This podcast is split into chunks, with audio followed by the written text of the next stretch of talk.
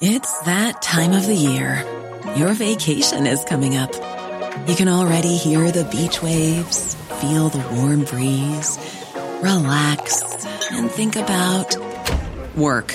You really, really want it all to work out while you're away.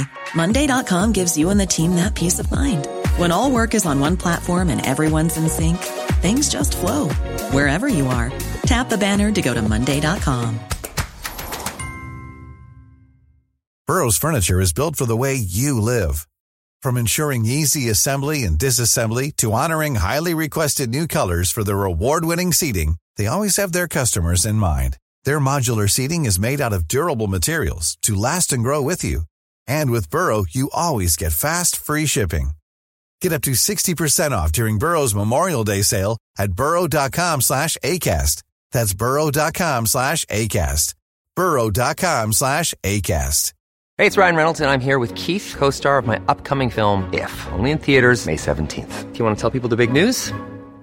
All right, I'll do it. Sign up now and you'll get unlimited for $15 a month in six months of Paramount Plus Essential Plan on us. Mintmobile.com slash switch. Upfront payment of $45 equivalent to $15 per month. Unlimited over 40 gigabytes per month. Face lower speeds. Videos at 480p. Active Mint customers by 531.24 get six months of Paramount Plus Essential Plan. Auto renews after six months. Offer ends May 31st, 2024. Separate Paramount Plus registration required. Terms and conditions apply if rated PG.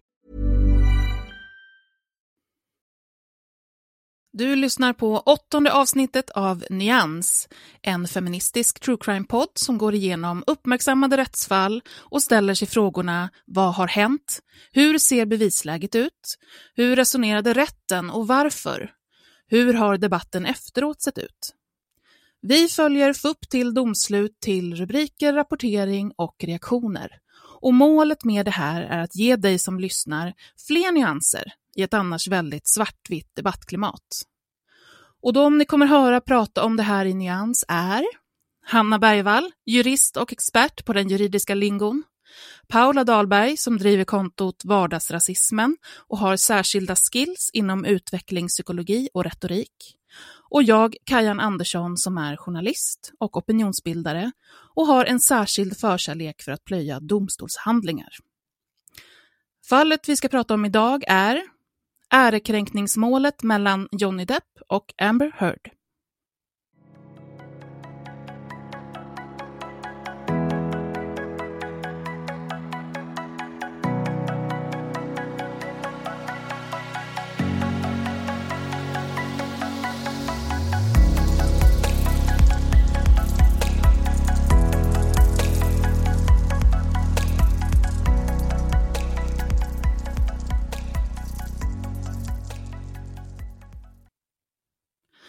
Hej och välkomna till oss.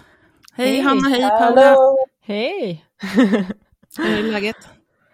Nej men det är bra, jag sitter och tittar ner på mina ben, jag sitter här i shorts och ser Ja. att jag har fått typ en extra nippel på, på låret. Men grattis. Ja men tack, jag tror att det är ett inväxt hår. Men det är som en röd ring runt som Ja. gör att det blir den här vårtgården, så det är väldigt sådär specifikt. Har du inte fått något litet um, insektsbett då? Ja, det skulle det kunna vara, det har jag inte ens tänkt på. Nej men jag har så mycket, jag får så mycket inväxta hår. Alltså. Ja, men i och för sig så sa ju du något avsnitt nu som vi spelade in senast att det var ganska bra att vi inte hade video igång för att du satt och plockade Ja, eh, precis. hår. Så det Eh, kanske det- det... fundera. Ja, men det är nästan lite så här terapeutiskt, sitta med en pincett och hålla på Ja. och gräva. Ja, Paula, vet ni det. inväxta hårstrån på dig? Nej, inte vad jag... Ja, jag vet inte, jag brukar inte kolla så noga. Inget att redovisa. mig. Men det är ju det här nu när man nu börjar bli sommar, annars har man ju byxor hela tiden. Och det är nu man upptäcker massa grejer.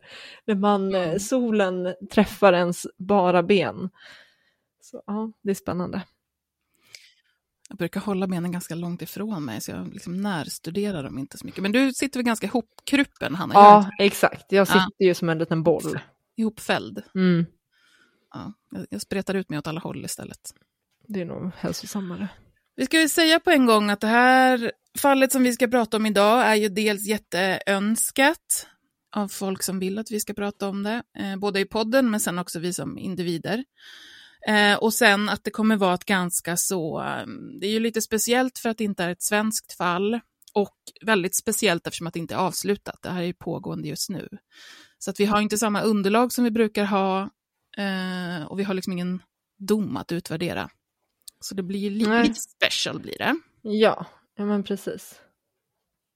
Men det är så... Det blir mycket mer debatt än vad det brukar bli. Kan man säga. Exakt. Debatt och diskussionen är ju nästan allt. Men ska vi köra igång på en gång eller? Vi kör. Ja, Vi kör.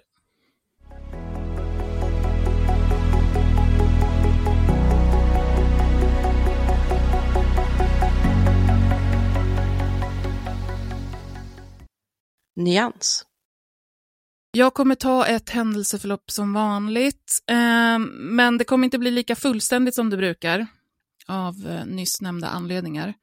Så att vi kommer göra lite eh, nedslag tidsmässigt, så det blir en tidslinje i alla fall, som vi kommer kunna utgå ifrån när vi diskuterar sen. Så att man förstår vad det är som har hänt och när, på ett ungefär. Vi börjar 2009 då träffas skådisen Johnny Depp och skådisen Amber Heard. De träffas under inspelningen av filmen The Rum Diary. Det är eh, 23 års åldersskillnad mellan de två och, och vid den här tidpunkten då, under den här inspelningen, så var båda två i andra relationer. Eh, Johnny Depp var tillsammans med Vanessa Paradis och eh, Amber Heard var tillsammans med Tasha Van Rie. Oj, det rimmade, det var inte meningen. 2011 så gör Johnny Depp och Amber Heard röda mattan tillsammans under lanseringen av den här filmen. Sommaren därefter, sommaren 2012, så rapporterar pressen om att Johnny Depp och Vanessa Paradis separerar. Det blir en stor grej eftersom att de har hållit ihop så himla länge. Och 2013 eh, så ses Johnny Depp och Amber Heard eh, hålla hand. De reser utomlands tillsammans och tillsammans med Depps barn och sådär. 2014 så ses Amber Heard med en förlovningsring på fingret och paret bjuder in bekanta och vänner till förlovningsfest. Året därefter, i februari, så februari 2015, så gifter de sig. Redan innan det har jag kunnat se att det har kommit lite rapporteringar om att det är tumult i relationen. Det behöver inte vara något konstigt i sig, för så rapporterar tidningar om i princip alla kändisrelationer, men så var det då även här. Juli 2015, då är vi framme vid eh, Australienhändelsen. Har man hängt med i den här rättegången eller rapporteringarna kring det här eh, fallet så har man nog lite koll på det här. Det pratas väldigt mycket om det. Eh, det handlar dels om att paret eh, på initiativ av Heard, eh, för det är hon som åtalas för det här sen, olagligt tar med sig sina två hundar in i Australien via eh, privatplan. Eh, så att eh, Heard och Depp hyr ett privatplan, åker till Australien, tar med sina två hundar. Hundarna redovisas inte i tull, sitter inte i karantän, vilket lagen kräver eh, och så vidare. Heard åtalas alltså för det och erkänner. Hon erkänner sen även att det har förfalskats dokument i samband med det här, att, att hundarna forslades in.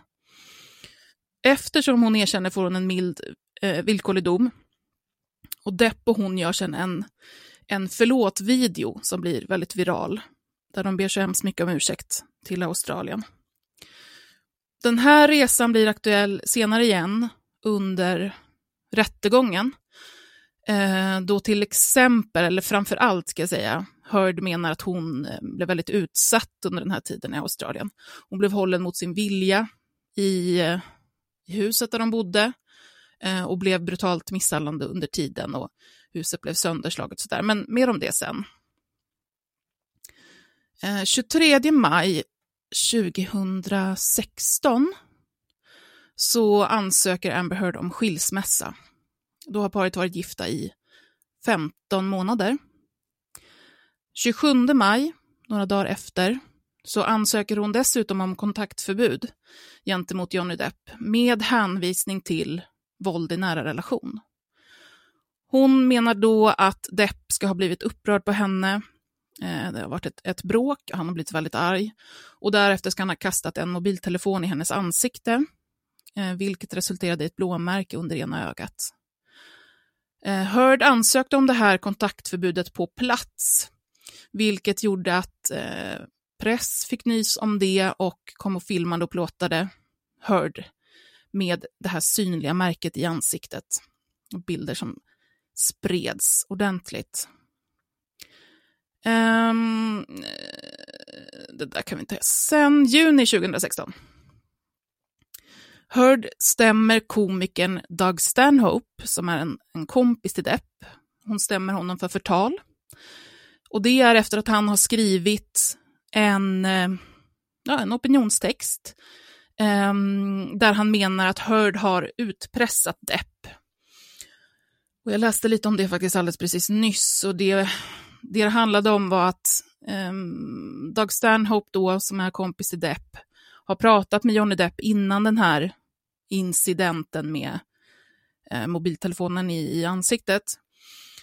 Eh, där Depp har liksom uttryckt oro för just precis det här, att, att Amber Heard då skulle eh, ljuga ihop saker, att hon har sagt det till honom, att hon ska ljuga ihop saker om honom. För att hon ska lämna honom och så ska hon sätta honom i skiten så. Och det är väl det som han skriver om helt enkelt. Eh, och Amber Heard stämmer honom för detta, men sen så släpper hon också den eh, stämningen, så det blir inget mer av det. Augusti 2016. Eh, Johnny Depp och Amber Heard når förlikning i sin skilsmässoprocess. Där skrev de båda eh, tillsammans också på ett uttalande som i princip löd så här, med min översättning. Vårt förhållande var otroligt passionerat och ibland instabilt, men alltid förankrat i kärlek. Ingen av parterna har fällt falska anklagelser för finansiell vinnings skull. Det fanns aldrig något uppsåt att skada, vare sig psykiskt eller fysiskt. Eh, och sen skriver de också önska varandra lycka till och sådär. Eh, Amber skriver också att hon kommer att donera pengarna från skilsmässan till välgörenhet. I samband med det här så läggs också eh, en jury lägger ner fallet om våld i nära relation och eh, strax efter så upplöses också det här kontaktförbudet. December 2016 eh, så skriver eh, Amber Heard ett öppet brev för Porter Magazine om att vara utsatt för våld i nära relation. Det här är en text som hon sen också eh, två år senare läser upp på ett metoo-event. Jag ska prata lite mer om det här sen. Um, januari 2017 så går skilsmässan igenom. I den så ingår ett så kallat non-disclosure agreement, vilket eh, de kan se ut på olika sätt, men i grunden så ska det förbjuda parterna från att prata om och sprida känsliga uppgifter från relationen. December 2018 Eh, är den stora tidpunkten, för då skriver Amber Heard en opinionstext för The Washington Post och den går ut på att hennes arbete och inkomstmöjligheter har påverkats eh, väldigt negativt av hennes anklagelser mot Depp. Eh, den finns fortfarande att läsa. Och rubriken lyder Amber Heard, alltså kolon, som att det är hon som säger. I spoke up against sexual violence and faced our culture's wrath. That has to change. Och där skriver hon om dels tidiga erfarenheter av övergrepp och mäns strukturella makt över kvinnor. Och sen skriver hon att hon för två år sedan blev en offentlig person som representerade våld i nära relation.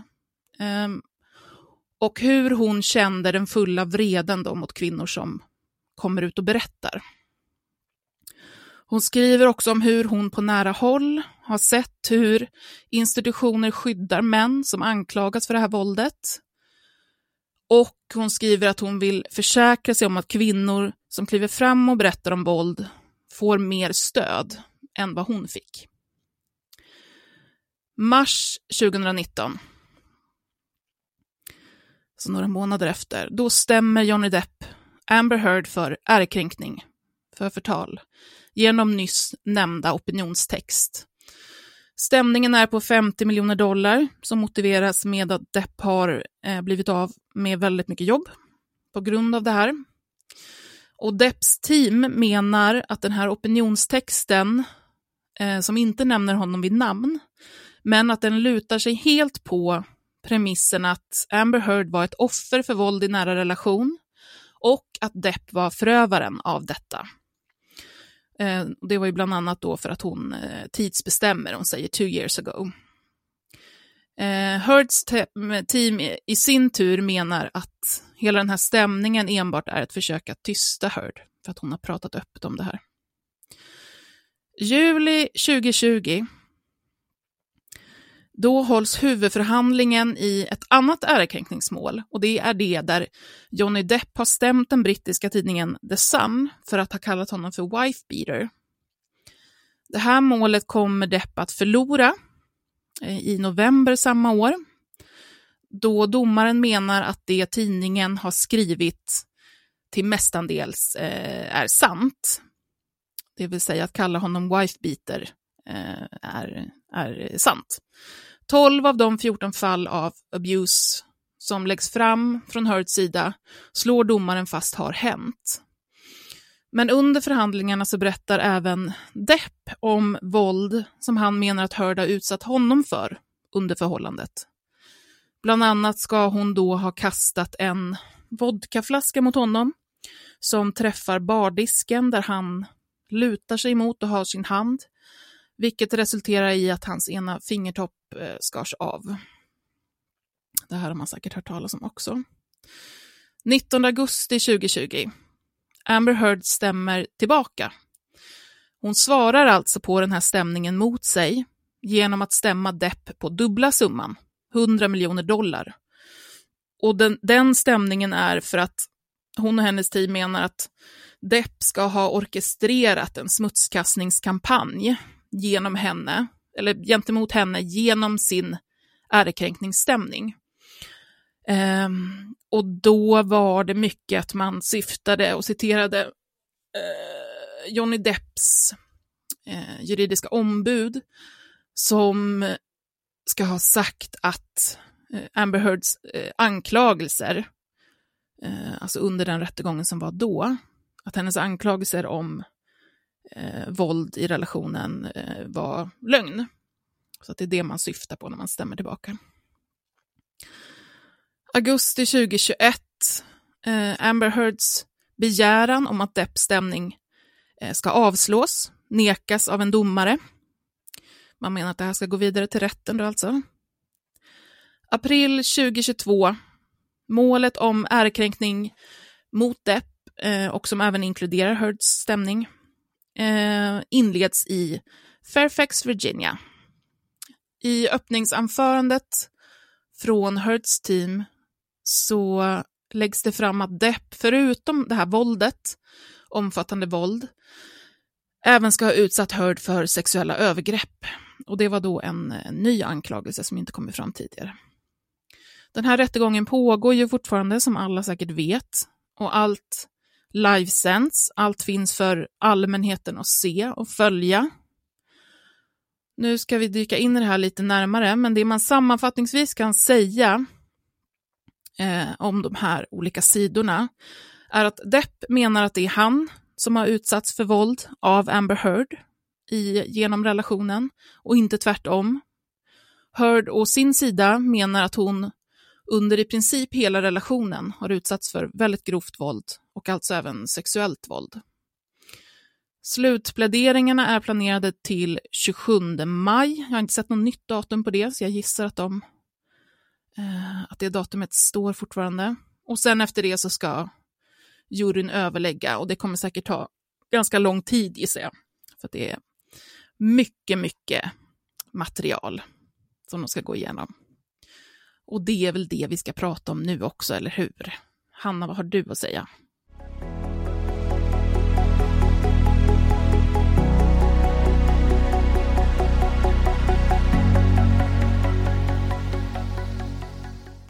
Du lyssnar på Nyans. Ja, tack Kajan för en väldigt bra genomgång. Och du är Tänk... så snäll. nu tänker jag att jag går över lite på juridiken. Och då ska jag egentligen börja med att säga att jag är ju en svensk jurist och eh, inte en amerikansk. Så att eh, det är ju, väldigt stor skillnad på amerikansk juridik och svensk juridik. Men jag ska göra mitt bästa för att eh, ge så mycket information ändå. Så att jag har kollat på det här. Och det, det man kan börja med att konstatera är ju att det här fallet ska absolut inte jämföras med eh, brottmål i Sverige där det gäller förtal. För att det här målet mellan Depp och Heard är ett civilrättsligt mål. Det är kul när jag pratar nu så sitter jag med en penna och slår den i mina anteckningar. Bra! Väldigt engagerad. Jättebra. Eh, ja, nej men det, det gäller ju ett civilrättsligt mål, vilket betyder att det är ett lägre beviskrav än om det hade varit ett brottmål. Och det är mellan två privatpersoner och inte med en åklagare. Så att hur det än blir så är det ingen som kommer åka i fängelse, ingen kommer få ett straff. Utan det här är att det, det handlar egentligen om att få skadestånd. Eh, så så att, att det är bra att ha med sig. Sen kan man väl också säga att den stora skillnaden mellan ett, om man tar förtal i Sverige, eller det finns flera stora skillnader, men, men en av de som är mest central för diskussionen skulle jag säga, det är att när det gäller förtal, då i Sverige så behöver, det spelar ingen roll om det som sägs är sant eller inte. Så att det, även om man till exempel har en dom på att någon, en person har eh, våldtagit en annan, då kan inte du hur som helst kalla den här personen för en våldtäktsman exempelvis. Nej. Eh, så, så det centrala i Sverige är inte huruvida uppgifterna är sanna eller inte. Det, har inte. det är inte det som är av betydelse. Medan i USA, i det här fallet, så är det helt tvärtom. Det är av avgörande betydelse huruvida det som har hänt är sant eller inte. För att har det som Heard påstår har hänt, då så eh, kommer Depp förlora. Så. Eh, vi säger så jag rättar, så, så man inte tänker fel. Eh, nej, nej, men så ja, men, är det. Precis. Mm. Det, det rätten ska göra och det de ska fokusera på, det är att utreda ifall det här som hon tar upp i opinionstexten, eh, med bakgrund av det som alla vet naturligtvis, man vet att det handlar om, om Depp, eh, om det är eh, sant eller, in, eller om hon medvetet har ljugit om det. Mm. Så att om man bara tar som ett exempel, Cissi Wallins fall och Fredrik Virtanen, mm. där, så när hon blev åtalad för förtal, då tittade man inte på huruvida hon faktiskt blev våldtagen eller inte. Det, det spelade ingen roll. Nej. Utan där tittar man bara på vad är det hon har sagt har hon liksom, vad har hon haft för uppsåt? Vem har hon sagt det till? Hur många? Och så vidare. Mm. Eh, så så det är en väldigt stor skillnad. Ja. Eh, sen så är det ju också en fråga som ändå kommer upp, är ju det här med yttrandefrihet. Var, var går gränsen? Och det är alltid så när det kommer till den här typen av förtalssituationer.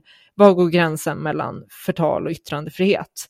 Och jag, jag har inte sett att det har diskuterats särskilt mycket än så länge i liksom, debatten eller i, i media och sådär. Men jag tänker att det ändå är av väldigt central betydelse och man ska också säga att Heards advokater hade, det, hade med det i sina öppningsanföranden i rätten och sa att så här, Heard, hon utnyttjar sin, sin eh, liksom, freedom of speech, sin yttrandefrihet.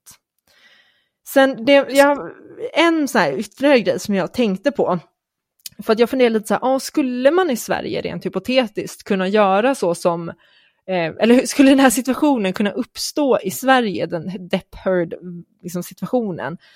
Och då, en sån här möjlig väg som man kan ha om en åklagare inte vill driva ett förtalsmål, Mm. För att det krävs att det finns ett allmänintresse för att en åklagare ska driva en sånt mål. Då kan man faktiskt driva ett enskilt åtal. Och då är det man själv som måste utreda och sen bevisa att den här personen har gjort sig skyldig till det här brottet. Och då ska man också säga att det är inte heller ett civilrättsligt mål på det sättet, utan eh, liksom, beviskravet är lika högt då som i ett brottmål. Okay. Så, så att, och det är extremt ovanligt. Det är ingen som utnyttjar den här möjligheten att driva enskilt åtal. För det som händer är, förlorar man, då är man skyldig att betala alla rättegångskostnader, vilket kan bli väldigt, väldigt dyrt. Så att mm. det är väl där de flesta landar, att det är inte värt att försöka. Och sen blir det också lite så här, för att, att en åklagare inte vill driva det, kan man ju också känna att det säger någonting om målet. Så. Eh, att ja. det kanske inte, kanske inte finns så mycket där egentligen. Nej, för om, om åklagare ser möjlighet att få en fällande dom så ska de ju Ja, ja men exakt, då ska de ju åtala. Ja. Men eh, ja, så jag, det jag har varit orolig för är på något sätt att det här ska leda, Depp Heard-situationen ska leda till att kvinnor i Sverige liksom blir rädda för att eh, anmäla sin förövare av rädsla för att bli stämda. Och det finns, det är, liksom, det är inte realistiskt, det bör man absolut inte oroa sig för. Nej. Så, eh, jag har sett i debatten hur folk har liksom vridit till det lite med att, ja nej men är det så att man berättar i domstol vad som har hänt den, då, kommer man, då riskerar man att bli åtalad, vilket är helt fel. Det är inte ens så i USA. Liksom. Eh, det, det, är helt fel, utan det, Amber Heard är ju inte, hon blev ju inte stämd på grund av det hon berättar i rätten, utan hon blev ju stämd för den här artikeln. Så. Jag kanske ska ta det på en gång nu, eh, när vi liksom är inne på det, för att Um, det har ju varit, och Paula du ska ju komma in med en massa saker här sen också, men nu gled vi liksom in på det. Så, um, Amanda Oxell har, är ju en av dem som har skrivit, uh, skrivit om ämnet och har, um, det här var nu precis, och har fått ganska mycket genomslag för det, så det är väldigt många som har läst och tittat på det. Och jag har varit, varit inne i det under det inlägget och eh, kommenterat och diskuterat av flera olika anledningar, men de är så pass... Just eftersom att det når ut till så himla många och jag tycker att det är ganska, eh, ganska problematiska saker som kommer fram, så skulle jag vilja dissekera det lite grann. Eh, så för det första då, gå jättegärna in och, och läs Amandas eh, inlägg och eh, diskussion under. Eh, men för det första så, så lyfter Amanda, eh, hon, hon har några felaktigheter, till exempel att det skulle vara Amber Heard som blir stämd på 100 miljoner, vilket det alltså inte är, utan Depp, eh, eh, Amber, Depp stämmer Amber Heard på 50 miljoner och Heard stämmer tillbaka eh, på 100 miljoner. Så det är Depp som stäms på 100 miljoner och inte tvärtom. Eh, sen skriver Amanda också om att Heard inte skulle ha uttryckt sig offentligt eh, om Depp som förövare och henne själv som utsatt av honom. Och det stämmer ju inte heller. Vi har ju det här eh, öppna brevet och metoo-talet som jag nämnde i, i tidslinjen. Eh, där det är väldigt tydligt vem eh, och vad hon talar om. Eh, framförallt då eftersom att hon tidsbestämmer det. Hon säger för två år sedan. Eh, och så pratar hon om att hon eh, har fått gått igenom det här i offentligheten och så vidare. Det råder liksom inga tvivel om att, om att det är Depp som hon pratar om och, och deras relation. Eh, och, och, dessutom då så får man ju ta in att hon uttrycker sig så, eh, det vill säga det här med för två år sedan och så vidare, med vetskap om att hennes anklagelser om våld är offentlig kunskap vid det här laget. Att det är uppgifter som har kommit ut, offentligheten vet om det här. Sen finns det också en del andra intervjuer, både skrivna och filmade, där hon, där hon pratar om det. Utan att namnge Depp, absolut, men jag tänker att är det någonting vi kan vid det här laget, eller måste kunna vid det här laget, så är det att ett eh, förtalsmål inte handlar om att någons namn står med eller inte. Det är inte så enkelt. Är det inte. Nej, men annars så vore det, helt, annars vore det jättelätt att komma runt det. Då kan man ju säga, kalla va, vem ja. som helst vad som helst. Bara, ja, han som ser ut så här, som jobbar med det här och gör det här. Ja, liksom, så alltså jag var det... gift med i 27 år, bara varit gift med en person i 27 år. Nej men precis, utan att det här handlar ju om att att personen ska vara, eh, gå att peka ut, att man ska kunna förstå vem det är. Och, och det råder liksom inget tvivel om att det går att förstå att det är Johnny Depp som det handlar om. Eh, så vi behöver liksom inte låtsas om något annat än att det är väldigt uppenbart vem hon syftar på. Sen så menar Amanda, Amanda Oxell då att den här opinionsartikeln är totalt frikopplad från Depp. I sitt inlägg så menar hon att det enda som Heard skriver i den här eh, opinionstexten är att hon, och sen eh, Amandas eh, citat eller översättning då, kommit att bli en offentlig person som förknippas med våld i nära relation. Och det här menar Amanda då att det är helt eh, befängt att det skulle vara förtal. Nu är det inte riktigt det som står. För det första så lyder ju rubriken till texten, som jag redan har läst en gång, men den lyder ju så här, Amber Heard, eh, kolon, I spoke up against sexual violence and faced our culture's wrath. That has to change. Eh, så väldigt tydligt. Jag, eh, eh, vad säger man, spoke up, talade ut om eh, sexuellt våld till och med.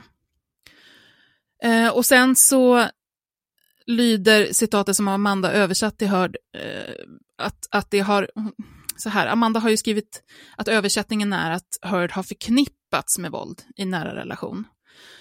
Eh, I det hon skriver i texten, och, och det är inte, stämmer inte heller, utan det faktiska citatet där är i sin helhet. Then two years ago I became a public figure representing domestic abuse and I felt the full force of our culture's wrath for women who speak out. Det är eh, det fullständiga citatet. Och sen så skriver hon, eh, Hörd alltså, skriver även hur hon vill att kvinnor som kliver fram och pratar om våld ska få bättre stöd än vad hon fick. Så sammantaget så kan vi säga att nej, det råder inga tvivel om vad det är hon pratar om i den här eh, opinionstexten. Men huvudpoängen i Amandas inlägg blir det här, eftersom Amanda då redan har slagit fast eh, det som inte ens rätten har slagit fast än, nämligen att opinionstexten inte på något sätt är förtal, så menar hon att det enda som Heard kan fällas för är det som hon har sagt under ed i rättssalen. Alltså hon menar ju då att eh, Amber Heard inte på något sätt utanför rättssalen har pratat om det här. Så att ska hon fällas för förtal så kommer hon bara fällas för det hon har sagt eh, i rättssalen. Vilket då alltså, eftersom vi har gått igenom det här precis, eh, inte stämmer alls. Det här har eh, Heard pratat om och inte ens Amber Heard håller ju den linjen, linjen att hon aldrig har pratat öppet om det här våldet. Eh, hon håller linjen att det är sant och därför inte förtal och tala om det. Och det är ju en helt annan sak. Och det blir en väldigt olycklig slutsats här. Dels då för att den grundar sig på saker som faktiskt inte stämmer. Och dels för att den, eller kanske framför allt, för att slutsatsen landar i att en fällande dom kommer att betyda att kvinnor kan fällas för det de säger i rätten. Precis det här som du sa nu, Hanna. Eh, Amanda skriver så här, citat. Vilket betyder att om hon fälls så är det indirekt brottsligt för kvinnor att vittna om våld i nära relation i en rättssal i USA. Och de som gör det kan förvänta sig att bli stämda och ekonomiskt ruinerade. Alltså, och det här är ju absolut inte sant. Alltså inte vi måste sluta skrämma varandra med sånt här. Förlåt, ja. jag inte menar att avbryta dig kan, men det här är såna grejer som är återkommande om och om igen. Mm.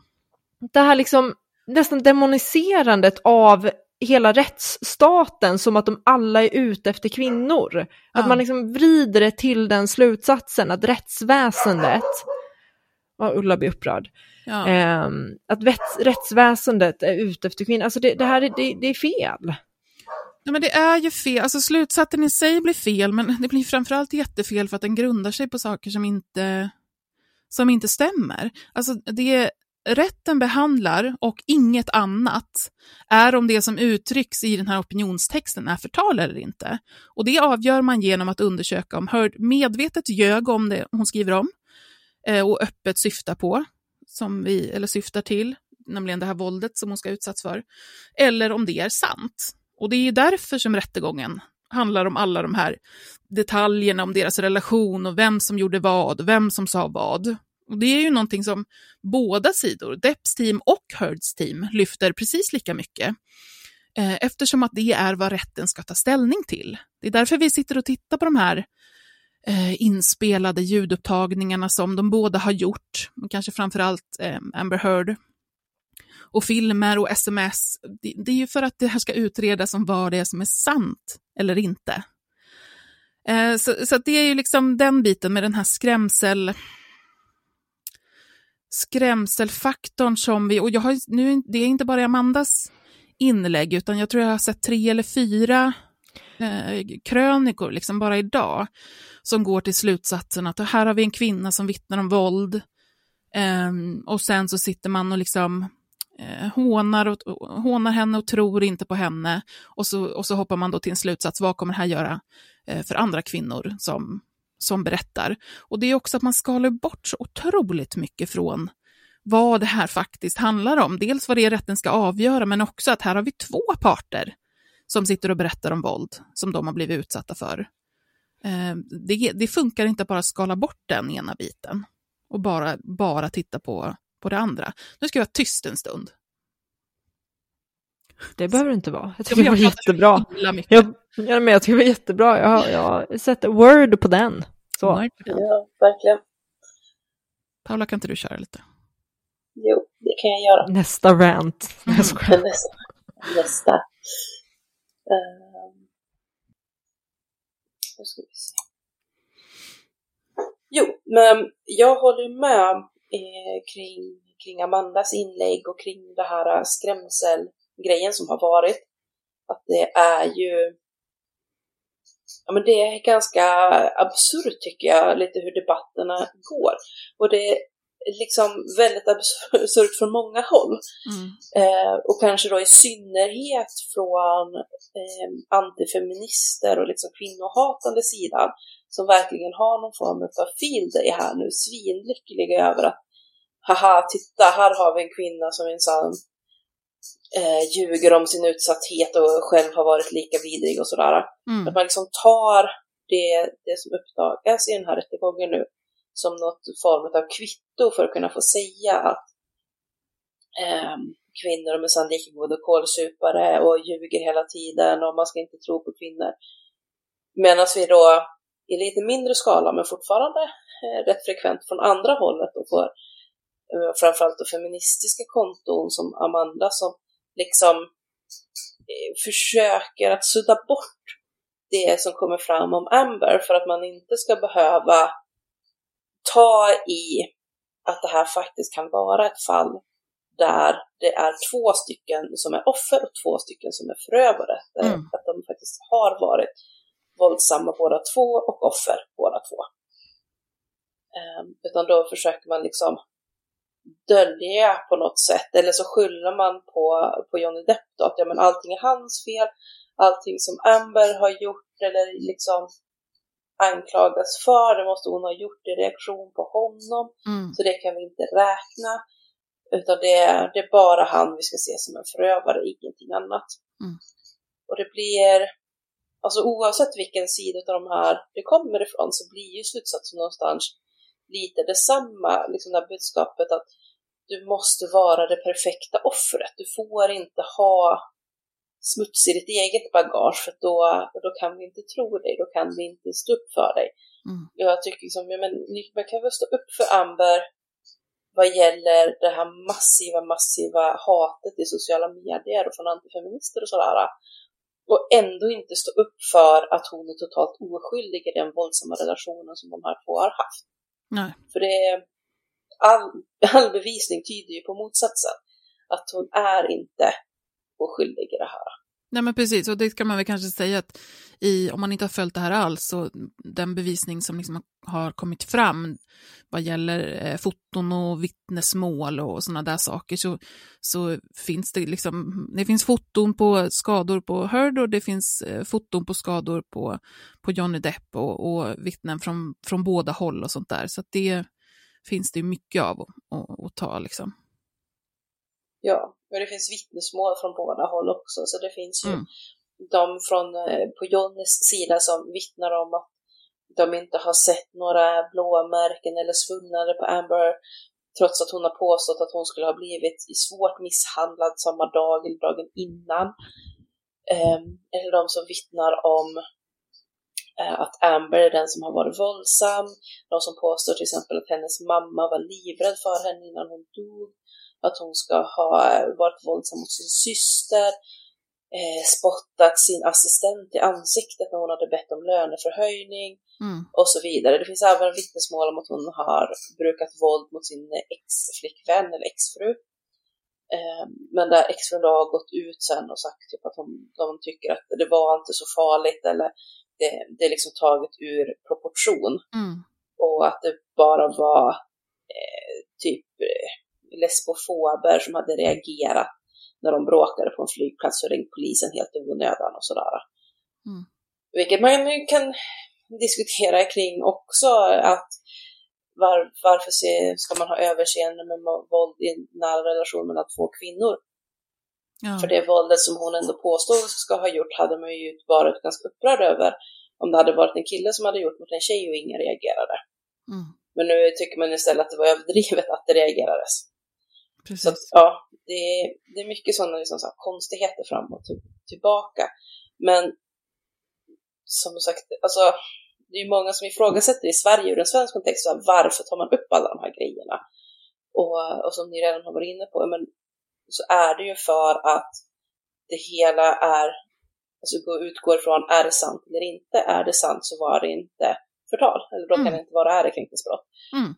Ehm, och då, och ja, som det ser ut, så man tar ju upp det här att Johnny Depp tidigare anmälde då The Sun i Storbritannien och där förlorade. Och, och även där är det lite annorlunda mot USA, att i USA, eller i Storbritannien så har man samma grej, så Ryan Reynolds here from Mint Mobile. With the price of just about everything going up during inflation, we thought we'd bring our prices down. So to help us, we brought in a reverse auctioneer, which is apparently a thing. Mint Mobile unlimited premium wireless. Ready to get 30, 30, bit to get 30, bit to get 20, 20, 20, bit to get 20, 20, bit to get 15, 15, 15, 15 just 15 bucks a month. So, Give it a try at mintmobile.com slash switch. $45 upfront for three months plus taxes and fees. Promo for new customers for limited time. Unlimited more than 40 gigabytes per month. Slows. Full terms at mintmobile.com. I'm Sandra, and I'm just the professional your small business was looking for. But you didn't hire me because you didn't use LinkedIn jobs. LinkedIn has professionals you can't find anywhere else, including those who aren't actively looking for a new job but might be open to the perfect role, like me.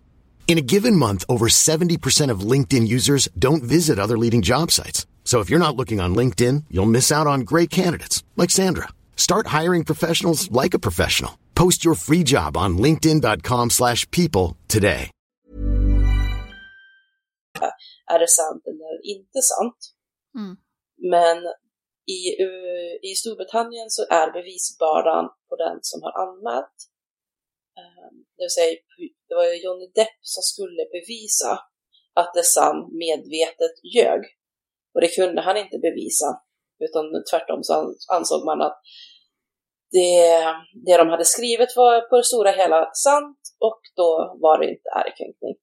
Men i USA så har de omvänd bevisbörda på de här grejerna, vilket betyder att nu när han har anmält Amber så är det hon som måste bevisa att hon inte ljuger. Mm. Ehm, vilket gör att man menar på att han kanske har en större chans att vinna en viss upprättelse i det här. Även om han till och med skulle förlora så har han vunnit en viss upprättelse. Ehm, och man menar på att det är också därför som Johnny Depp ville ha tv-sändning Mm. av rättegången medan Amber försökte att motsätta sig det, förlorade. Så att hon ville ju inte få det här tv-sänt, men Johnny Depp ville få det och det var han som vann det. Eh, och det är ju för att det ska nå ut till alla vad som faktiskt blir sagt och vilka bevis som läggs fram, så att alla ska kunna bilda en egen uppfattning istället för att det blir valda delar från pressen som presenteras. Just det. Eh, Och så här långt så har ju det varit en katastrof för Ambers sak. Och en jättevinst för Johnny Depp. Även om han förlorar nu så blir det en jättevinst för hans sak. Ja, men och det Att- blir ju på något sätt precis så här så, som du sa, att när man, när man målar upp bilden av, av det här då, liksom, eller kravet på det eh, perfekta offret, eh, och sen så visar det sig då i rätten, som det faktiskt har gjort nu i det här fallet, att Amber Heard eh, till och med under ed liksom har, har ljugit då om saker.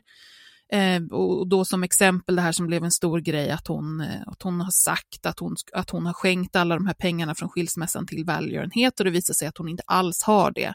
Och man får liksom dra ur henne att okej, okej, men hon har tänkt att göra det, hon har bara inte hunnit än eller kunnat än eller sådär. Eh, och då blir det att när, när eh, man har det här kravet på, på en kvinna att vara det perfekta offret och sen så kommer någonting som bevisligen visar att hon ljuger om något, då faller ju, då har, det, då har den rollen inga ben kvar att stå på på något vis. Jag tror det är liksom en huvudorsak till att hon drabbas otroligt hårt av allt det här som kommer fram nu, därför att den här eh, rollen, den här påtvingade rollen med att hon då ska vara eh, helt oskyldig till allting och, och enbart utsatt, den, eh, den håller inte. Och då förkastar människor allt hon säger istället. Då kan inte något av det vara sant.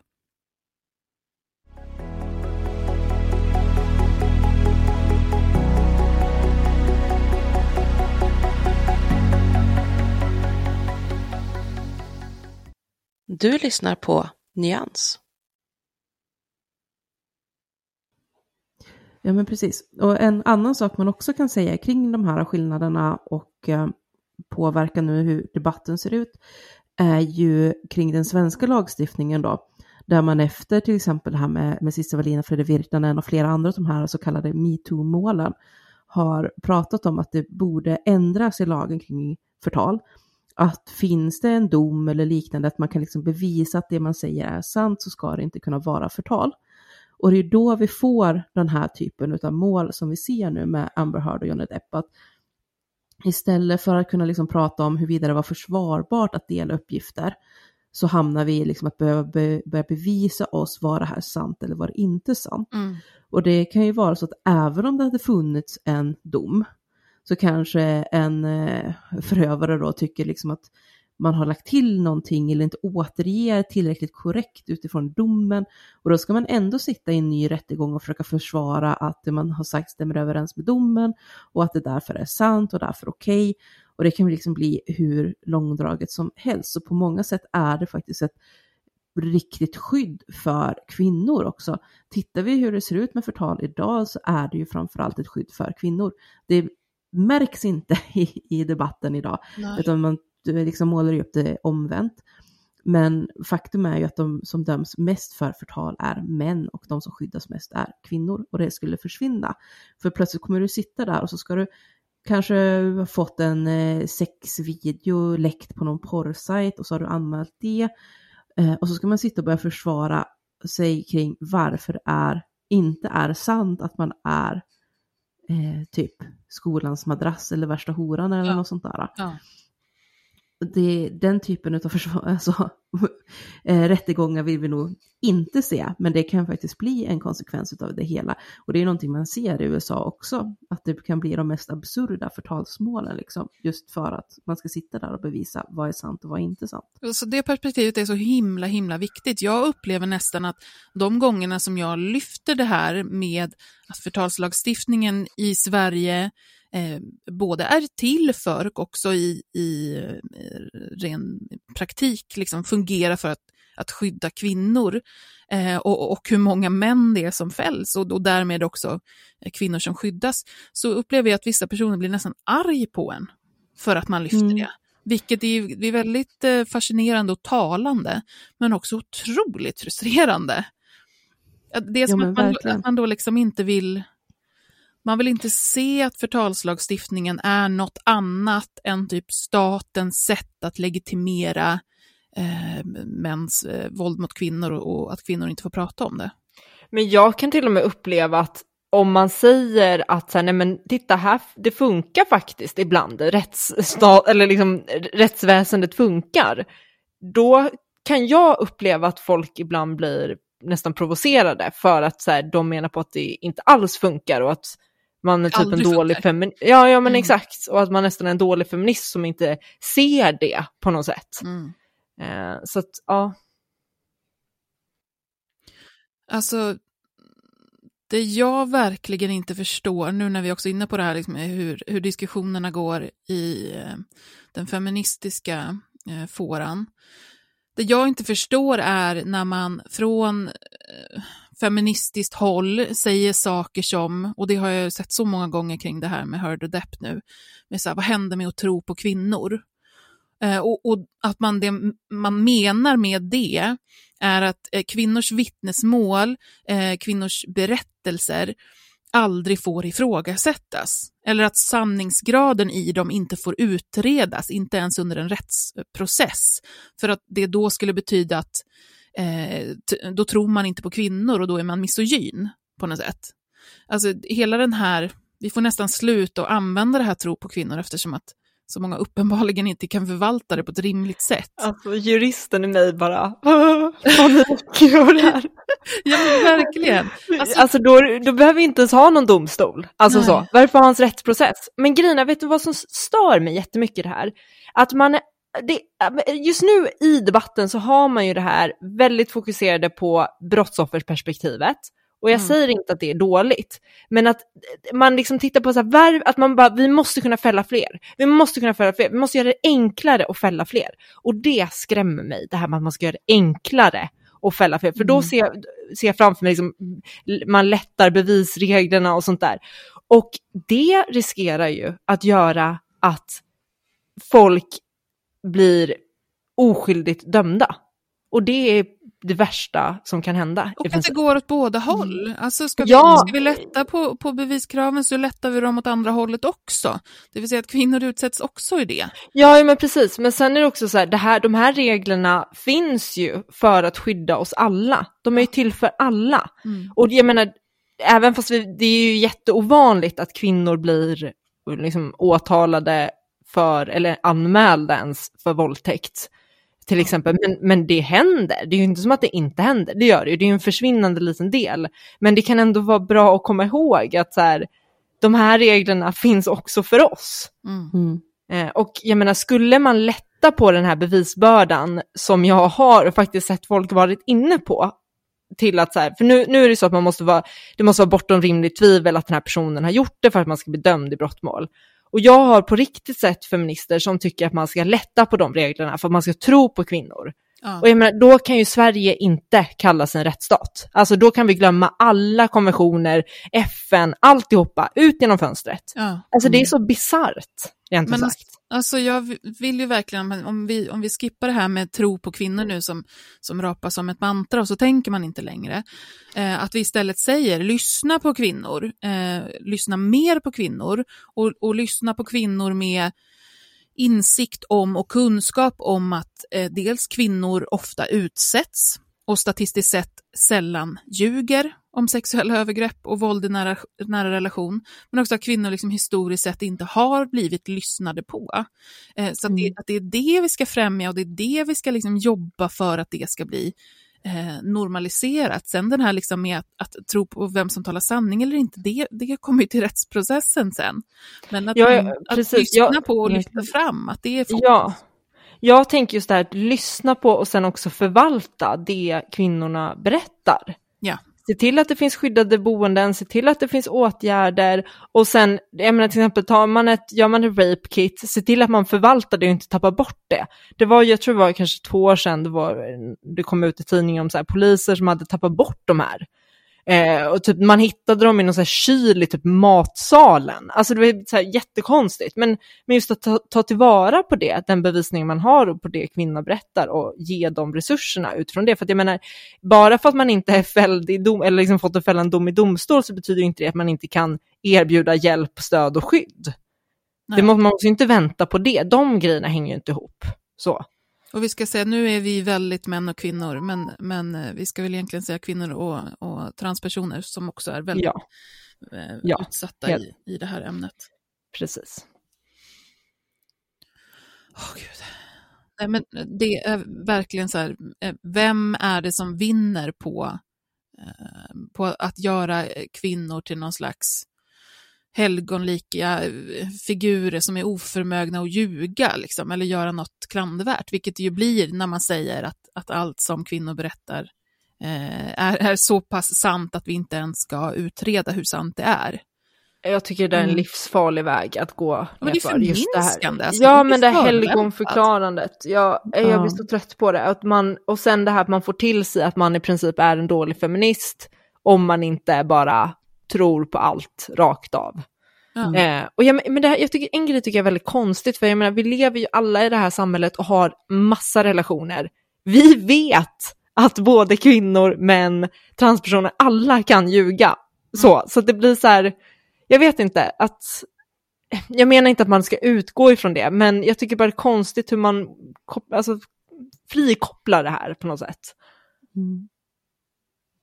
Ja, men verkligen. Man Och måste- kör också, ähm, ja, men också, också det ni var inne på med när man tänker med att göra om i lagen och sådär, att det kommer slå i båda riktningar och sådär. Det är ju samma med hur man argumenterar nu till Ambers försvar. Att egentligen allting man säger för att försvara henne, att hon måste vara 100% oskyldig i det här, det går ju att använda till Johnny Depps försvar också. Ja. För att på något sätt bevisa honom som 100% oskyldig. Istället för att kunna se att här har vi en rel relation där båda har varit giftiga för varandra och det har varit på alla sätt jättedåligt. Men, men också så här hur man då argumenterar mot Johnny Depps agerande på ett sätt som är så här, bara, men, tänk om vi skulle vända på det här. Eh, tänk till exempel om vi kopplar tillbaka lite där till Amandas inlägg. Mm. Så ifrågasätts det ju på flera ställen sen i diskussionen också det här att om nu Amber Heard skulle ha sagt någonting tidigare, varför har han inte anmält det då? Eller om det nu är sant att han har blivit misshandlad och egentligen är offret i den här relationen, varför anmäler han inte henne för våld i nära relation, ett liksom faktiskt brottmål? Och det här öppna brevet som hon skrev till exempel, Amber Heard, Mm. så, så startar hon med att skriva eh, To my silent sisters everywhere, you are not alone. You may have suffered alone behind closed doors, but you are not alone. You need to know that. Mm. Och sen fortsätter hon med att skriva om våld i nära relationer, hur, både, alltså hur hon och många med henne säkert är uppfostrade i den här eran av jämställdhet och att vi, ja, det, det är inte längre tid liksom att bara tyst acceptera sakers tillstånd, utan nu gäller det att eh, speak out, Mm. så att säga. Och så avslutar hon alltihopa med att skriva då. So as I write this today, I can promise every woman who is suffering in silence, you are not alone. You may not see it, but we are here. Your sisters are everywhere and we are you. Amber Heard. Så att man inte skulle få det här till att hon uttalat sig att hon är ett offer för våld i nära relationer. Och det här skrevs dessutom i samma veva som hela den här liksom, grejen med Johnny Depp var på tapeten när hon fortfarande hade besöksförbud mot honom. Ja. Och inte kunna se hur det så tydligt kopplar ihop att jag är ett offer för våld i nära relationer. Vi, vi är systrar som är med om det här, vi ska stå enade, jag är med er. Mm. Och inte koppla det till Johnny Depp, det är helt, helt cray cray för mig. Hur kan man inte se vad det är hon pratar om? Ja, Och sen läser hon även det här talet högt då på, eller det här öppna brevet, högt på en metoo-gala och sådär. Och svaret på det från Amanda bland annat var ju då liksom, ja men om det nu stämmer och hon har gjort det här, varför har han inte anmält det? Ja. Varför anmäler han då det här äh, texten två år senare där hon inte nämner honom vid namn? Ja men kanske för att han blev less. Eller kanske för att han ja, nu vill ha den här skadeståndet. Eller för att han då var fortfarande så nersupen och, och så att han inte klarar av att göra den här typen. Alltså det finns ju tusen grejer som kan göra att det var nu han bestämde sig för att det fick räcka. Och inte då, och vi mitt får ju- under. Vi får ju aldrig någonsin använda en, en, en utebliven anmälan eller så som något slags bevis på att något inte har hänt. Det måste vi ju kunna vara överens om. Att, Exakt. så pratar vi inte om det här. Nej, Nej. så tänk, det är ju egentligen, tänk då om det hade varit omvänt. Att det är en kvinna som anmäler en man för förtal. Eh, Ja. För att han pekar ut henne som, jag vet inte, har misshandlat hennes barn eller något sånt där. Mm. Det, man skulle ju aldrig sitta och säga liksom så här, ja fast om det nu inte är sant så varför anmälde hon det inte de tidigare gångerna han sa det? Eller vadå, varför ser hon inte till att det, om det nu är han som är den som egentligen slår barnen, varför ser inte hon till att anmäla honom för det då? Alltså så skulle man ju aldrig sitta och resonera. Nej. Och den dörren ska vi inte öppna genom att plötsligt börja resonera så nu bara för att det är- en man som har hamnat i den här positionen. Nej, det är inte resonemang som vi ska föra in mer i den här diskursen i, i, kring de här ämnena. De där bitarna ska bort, vi ska inte legitimera dem. Nej, precis. Och jag blir, jag blir så trött liksom på hela den, den här grejen, att man är så liksom fokuserad på, från, från antifeministiskt håll är liksom Justice för Jonny, han är helt oskyldig, oskyldig, oskyldig, oskyldig. Och så från motsatta håll då feministerna, nej men Justice för Amber, hon är helt oskyldig. Ja. Ja, men sluta någon gång. Vi, vi är människor, vi lever i verkligheten. Här är saker komplext. Det är, det är nyanser, folk är inte enbart onda eller enbart goda. Det är liksom, hör till sagornas värld där man kan ha en enkelt identifierbar eh, onding och sen den goda hjälten liksom. Men så ser det inte ut. Helt Det- rätt sagt Paula. Word på den också. Det är word från, som flyger här. Jag håller helt med. Ja, men det är ju liksom, det är återigen den här påtvingade helgonrollen på något vis som, som är en, tycker jag, helt uppenbar feministisk kula i foten.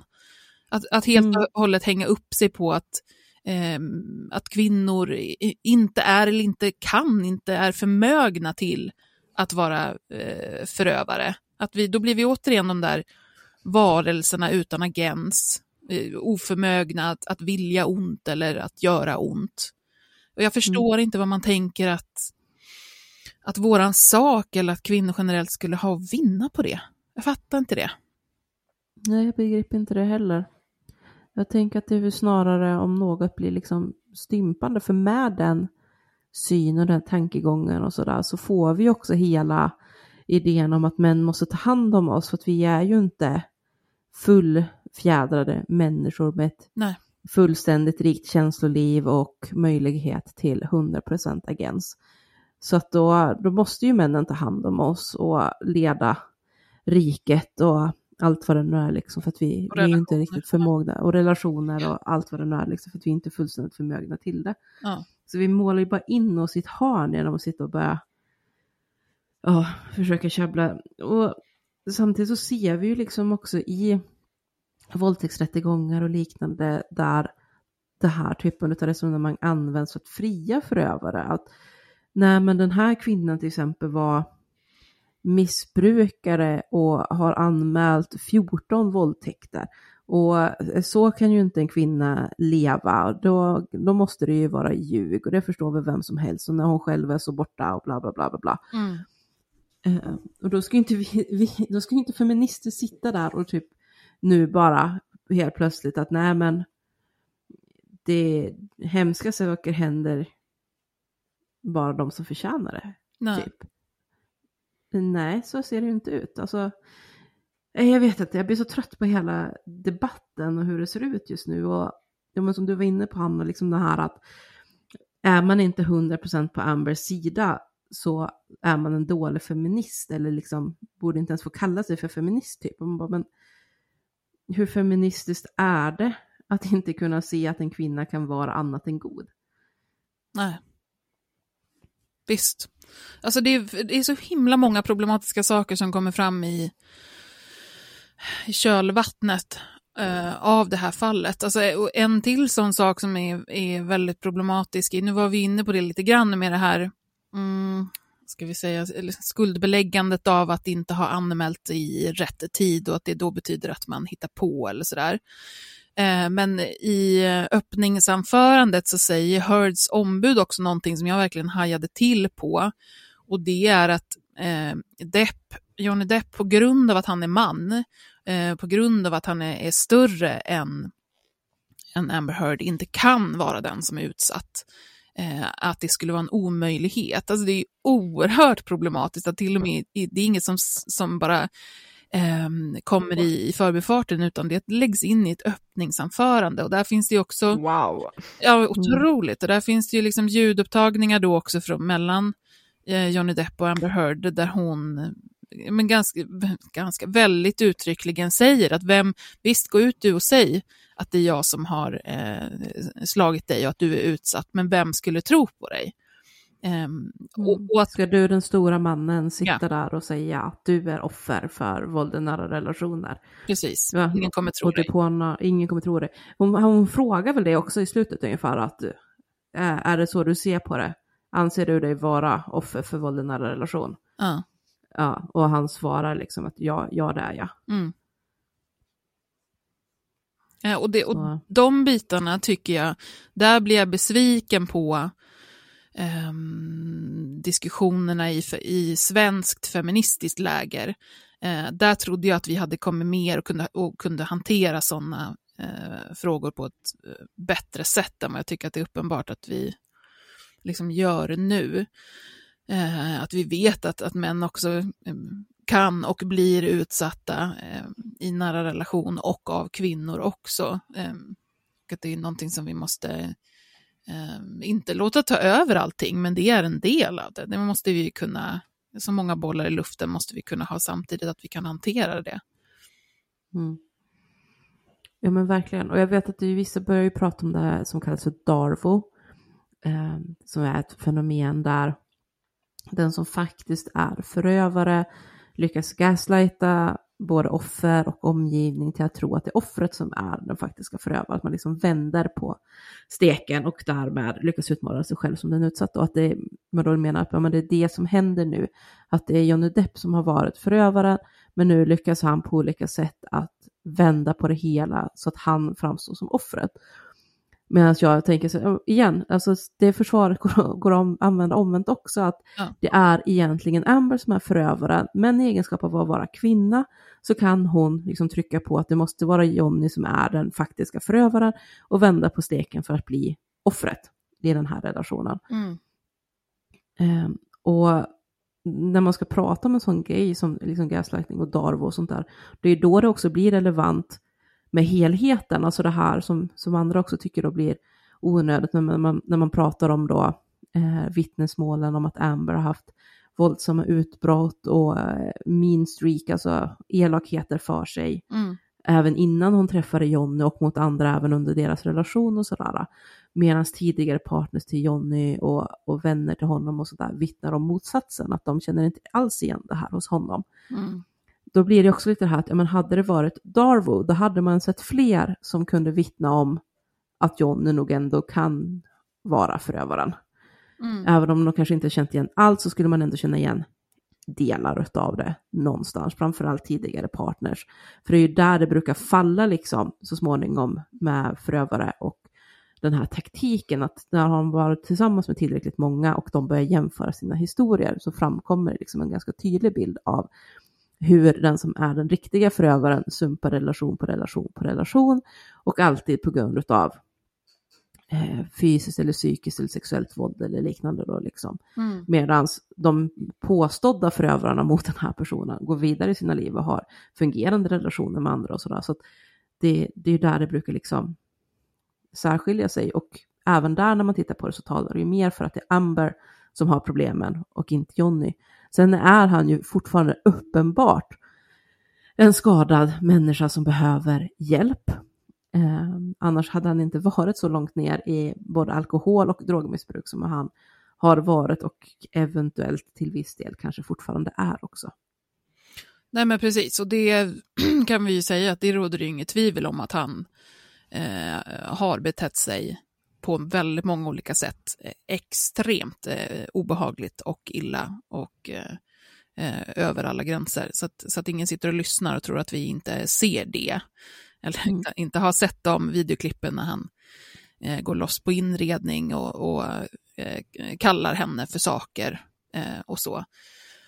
Nej men precis, alltså när, när den här skilsmässan skedde och de här första då anklagelserna mot Johnny Depp kom ut, då tog ju jag Amber i försvar och det är på just de punkterna som jag tog henne i försvar på då, Mm. det tar jag henne fortfarande i försvar på.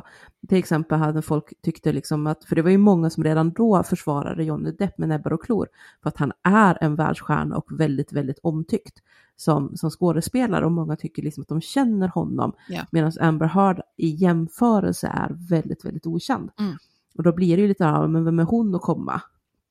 Och försöka förstöra bilden av våran filmhjälte.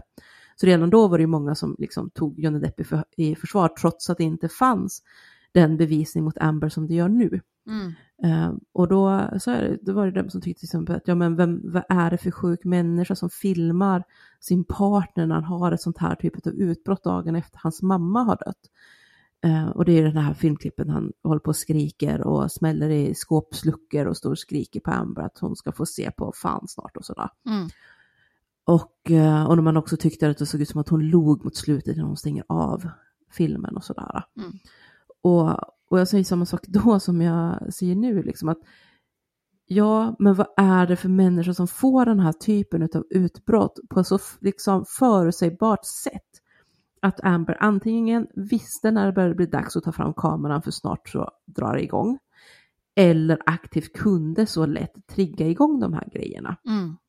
det, det tyder ju fortfarande på en väldigt osund relation rakt igenom, väldigt osunda rea- reaktioner från Johnny Depps sida. Mm. Och det går liksom inte att förklara bort.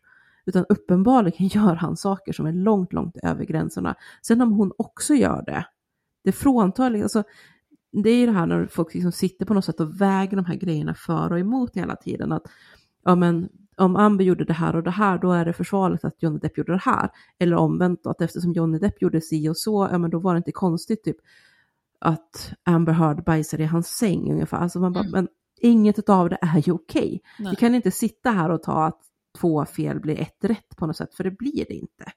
Nej. Det spelar ingen roll liksom. Och att eh, man lyfter den här grejen bajset i sängen till exempel, det är ju för att försöka motbevisa att Amber Heard hävdade sig ha varit livrädd för Johnny Depp nästan till hela deras relation. Mm. Men ändå gör hon en sån uppenbart sjukt provocerande grej som att gå och bajsa i sängen. Alltså vad är det för människor som gör så? Förlåt, men Mm. Eh, och då menar man på att men om hon nu var så fruktansvärt rädd för honom och att han skulle liksom försöka slå ihjäl henne eller liknande. Varför försöker hon provocera på det sättet? Det är ju liksom hela budskapet med att ens lyfta den grejen. Och jag vet inte om jag håller med i någon riktning, men jag förstår ju logiken bakom att man säger så, eller liksom lyfter den grejen.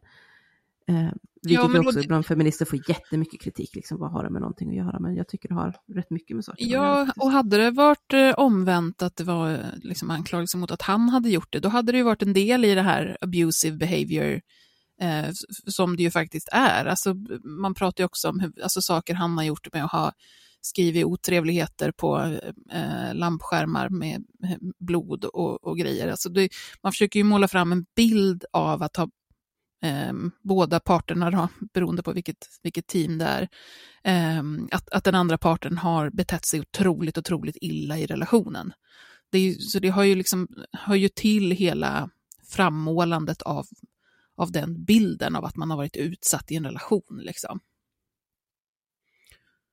Så sen blir det ju eh, bisarra detaljer som, som eftersom att det här tittas på av hela världen i princip liksom eh, tar över allting. Men och då blir det också, alltså jag ska ge den här kritiken kring hur, eh, för det får vi ju slå fast på något sätt att eh, Amber Heard eh, hanteras otroligt illa av, eh, ska vi säga, publiken. Eh, alla dessa liksom skämtklipp och jag satt bara och kollade på en del på, på YouTube där man liksom gör, ja men det är ju eh, regelrätta hån.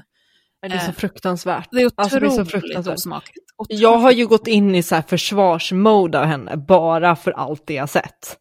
Eh, liksom, vi, alltså, jag, tycker, jag tycker det är så vidrigt. Det är så vidrigt. Mm. Mm. Ja, men och det hör Ja, inte, det det hör inte hemma i ett sånt här mål överhuvudtaget. Nej. Och det är, det är där jag känner också så att, men vad fan, stå upp för henne kring de här grejerna. För igen, alltså, det är så mycket Johnny Depp har gjort som inte är okej. Mm. Och att hon är upprörd över de sakerna, det är fullständigt rimligt. Mm. Om hon sen ljuger om annat eller överdriver vad som har hänt eller själv har gjort sig skyldig till våld, det spelar egentligen ingen roll för det faktum att hon också har blivit utsatt. Och att hon i det läget är ett offer med rätt till sina känslor. Och det är därför det blir så jävla knäppt då när folk ska sitta liksom och håna henne, typ att nej men hon har inte rätt att tycka att det är jobbigt att Johnny Depp har skrivit att han ska våldta hennes döda kropp. Mm. Det är liksom så här, jo, det har hon fortfarande. Mm. Skärp er människor. Men det är för att då lutar man sig tillbaka på, men det är inte hon som är offret i det här. Därför att man tror att det bara Mm. kan vara ett offer och det kan bara vara en förövare. Trots att det här är ett mål som avhandlar en relation som har pågått under många, många år. Liksom. Naturligtvis så kan det finnas eh, fler än ett offer och fler än en förövare. Exakt. Men vi har gjort det så kategoriskt och uppdelat för oss för att det ska vara lättare att förhålla sig till på något vis och då, då blir det så här illa. Mm.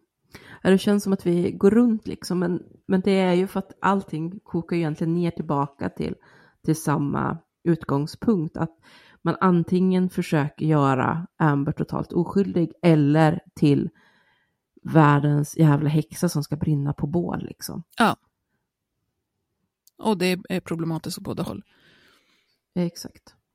Nej men precis, så det ska vi sammanfatta på något vis så, så är väl det vår ska säga, huvud, ehm, det vi stör oss på mest kan man väl nästan säga. Och sen så också det här eh, i, i den svenska diskursen framför allt, eller i, i den svenska diskussionen kring det här, eh, att man hänfaller åt det här uppskrämmande, eh, landar i alarmistiska eh, analyser om vad det här kommer betyda, som är så Mm. tillspetsat att jag förstår, man, man, det blir en självuppfyllande profetia, alltså det blir, man, man blir den som, som eh, skrämmer upp eh, när det är det man ska varna för. Som eh, jag har väldigt svårt att förstå. Ja men precis, det var väl Veckorevyn till exempel som la ut med citat ifrån experter i USA som menar liksom att det här kommer få förödande konsekvenser för eh, offer för våld i nära relationer för att de kommer se hur Amber blir, blir mottagen och, Ja. och behandlad och därför inte vågar berätta och än mindre våga anmäla. Men ja, då är vi tillbaka igen i det här bara men då måste vi ju kunna prata om det här med vad som är relevant eller inte relevant ur aspekten att faktiskt kunna ta sida med någon, eller ta sida, men ja, stötta någon som blir utsatt.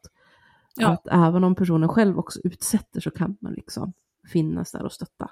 Det, Och det måste inte vara antingen eller. Och jätteviktigt att vi verkligen är med och lyfter den här eh, juridiska biten som jag fattar är, den är ju jättesnårig och, och ganska otillgänglig för väldigt många. Men att, att, eh, så att man förstår vad det är det handlar om, så att man inte så lätt går på det här med att Eh, det här kommer innebära att eh, om du anmäler ett brott så kommer du drabbas för det här. Utan då måste man ha mer på fötterna och förstå vad den här hur lagarna ser ut och hur rättsprocessen ser ut och vad det är man tittar på, vad det är man dömer för. Och det kan skilja sig från länder, men, men, vad, men oavsett så är det inget som landar i att du som utsatt kommer råka illa ut för att du, eh, Eh, i alla fall inte i, våra, i de, demokratiska länder som vi pratar om nu, eh, kommer råka illa ut för att du anmäler ett brott eller för att du eh, berättar i rätten om vad du har varit utsatt för. Eh, där måste vi liksom ta ett, eh, ett ansvar att inte bli så bekväma att vi bara liksom sitter och skrämmer upp, utan att vi måste, måste vi göra jobbet och förtydliga vad det är det här handlar om. Eh, så, och sen finns det såklart saker med det här, som i hur allmänheten behandlar Amber Heard just nu, som, som man kan bli förskräckt över och som vi ska prata om. Eh, men det är ju en sak att, att, att säga att, att eh, kvinnor inte kommer våga anmäla sina förövare eller att man kommer råka illa ut för att man berättar inför en domstol. Det, är- det, det är inte så. Nej men exakt. Och det har jag ju sett en del även efter metoo, när de här första metoo-åtalen kom. Att eh, jag stötte på liksom en och annan som hävdade bestämt sådär att ja men jag känner någon som känner någon som polisanmälde eh, en våldtäkt och blev sen eh, och anmäld och dömd för förtal på grund av sin polisanmälan. Så på grund av de här metoo-åtalen ehm, nu så kan man inte ens vara säker på att anmäla utan att bli dömd för förtal. Och det här är ju rent påhitt. Varenda en Ja. av de här gångerna när jag faktiskt kunnat rota lite mer i det så har det visat sig sen att när personen polisanmälde och skrev om det sen på sin Facebook-sida inför 300 Facebook-vänner eller liknande på ett sätt där det var väldigt lätt att identifiera vem det handlar om och det var det hon blev anmäld för, inte sin polisanmälan. Alltså jag kan med handen på hjärtat lova så här, har du blivit utsatt för ett brott och anmäler det, det finns ingen risk för att du kommer åka illa ut för att du anmäler det brottet. Nej. Så. Eller att du, Inte berätt, från rättsväsendet i alla fall. Nej, inte från, precis, inte från rättsväsendet. eller att du berättar om det i domstol. Nej, Nej. nej. Ja men bra hörni, känner vi oss eh, klara? Vi, det här är, är ju, pågår ju just nu och det kommer ju komma massor med mer material och inte minst eh, utfall från, eh, från domstolen. Så vi får väl eh, ta det igen då kanske, tänker jag. Eh, men för den här vändan precis. kanske vi är ganska klara. Mm. Ja, jag tror det. Vi får väl se, det var väl på tal om någon ny rättegång i Storbritannien också från Johnny Depps sida. Just det. Han hade väl åtalat något mer. Så att det, det kommer väl ytterligare någon rättegång Ja, på det här. säkert. Så att vi, vi kommer få återkomma. Vi kommer återkomma och, och vi, även om det tar lite tid att spela in avsnitt och sånt, så, så finns vi ju med på, på Instagram och, och kommer ju, alltså för varje avsnitt så kommer det ett avsnittsinlägg. Eh, och där kan ju vi också skriva in, liksom, som under det här inlägget, kan vi ju skriva in om det kommer någon uppdatering eller eh, eh något sånt där. Och sen är det ju eh, toppen om ni vill, är det någonting ni tycker att vi är ute och cyklar kring eller som man vill diskutera så, så gör ju vi det jättegärna eh, öppet där på, på Instagram. Så behöver man inte eller bara sitta och vänta efter ett, ett avsnitt, utan det kan, det kan komma en dialog där också, tänker jag.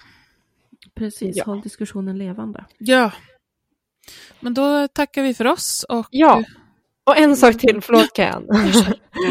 om ni tycker om vår podd och tyckte att det här avsnittet var bra så får ni jättegärna ge oss fem stjärnor på Spotify. Och sen fanns det väl någon till. Apple, Apple Podcast. Apple Podcast. Apple, Apple Podcast. fem stjärnor äppel. Ge oss fem äpplen. Då, då blir vi väldigt glada. Det blir vi verkligen. Stort tack för att ni ville lyssna och Tack. eh, tack Palla och Hanna, ni är bäst. Detsamma. Detsamma. Ha det bra. Hejdå! Hej.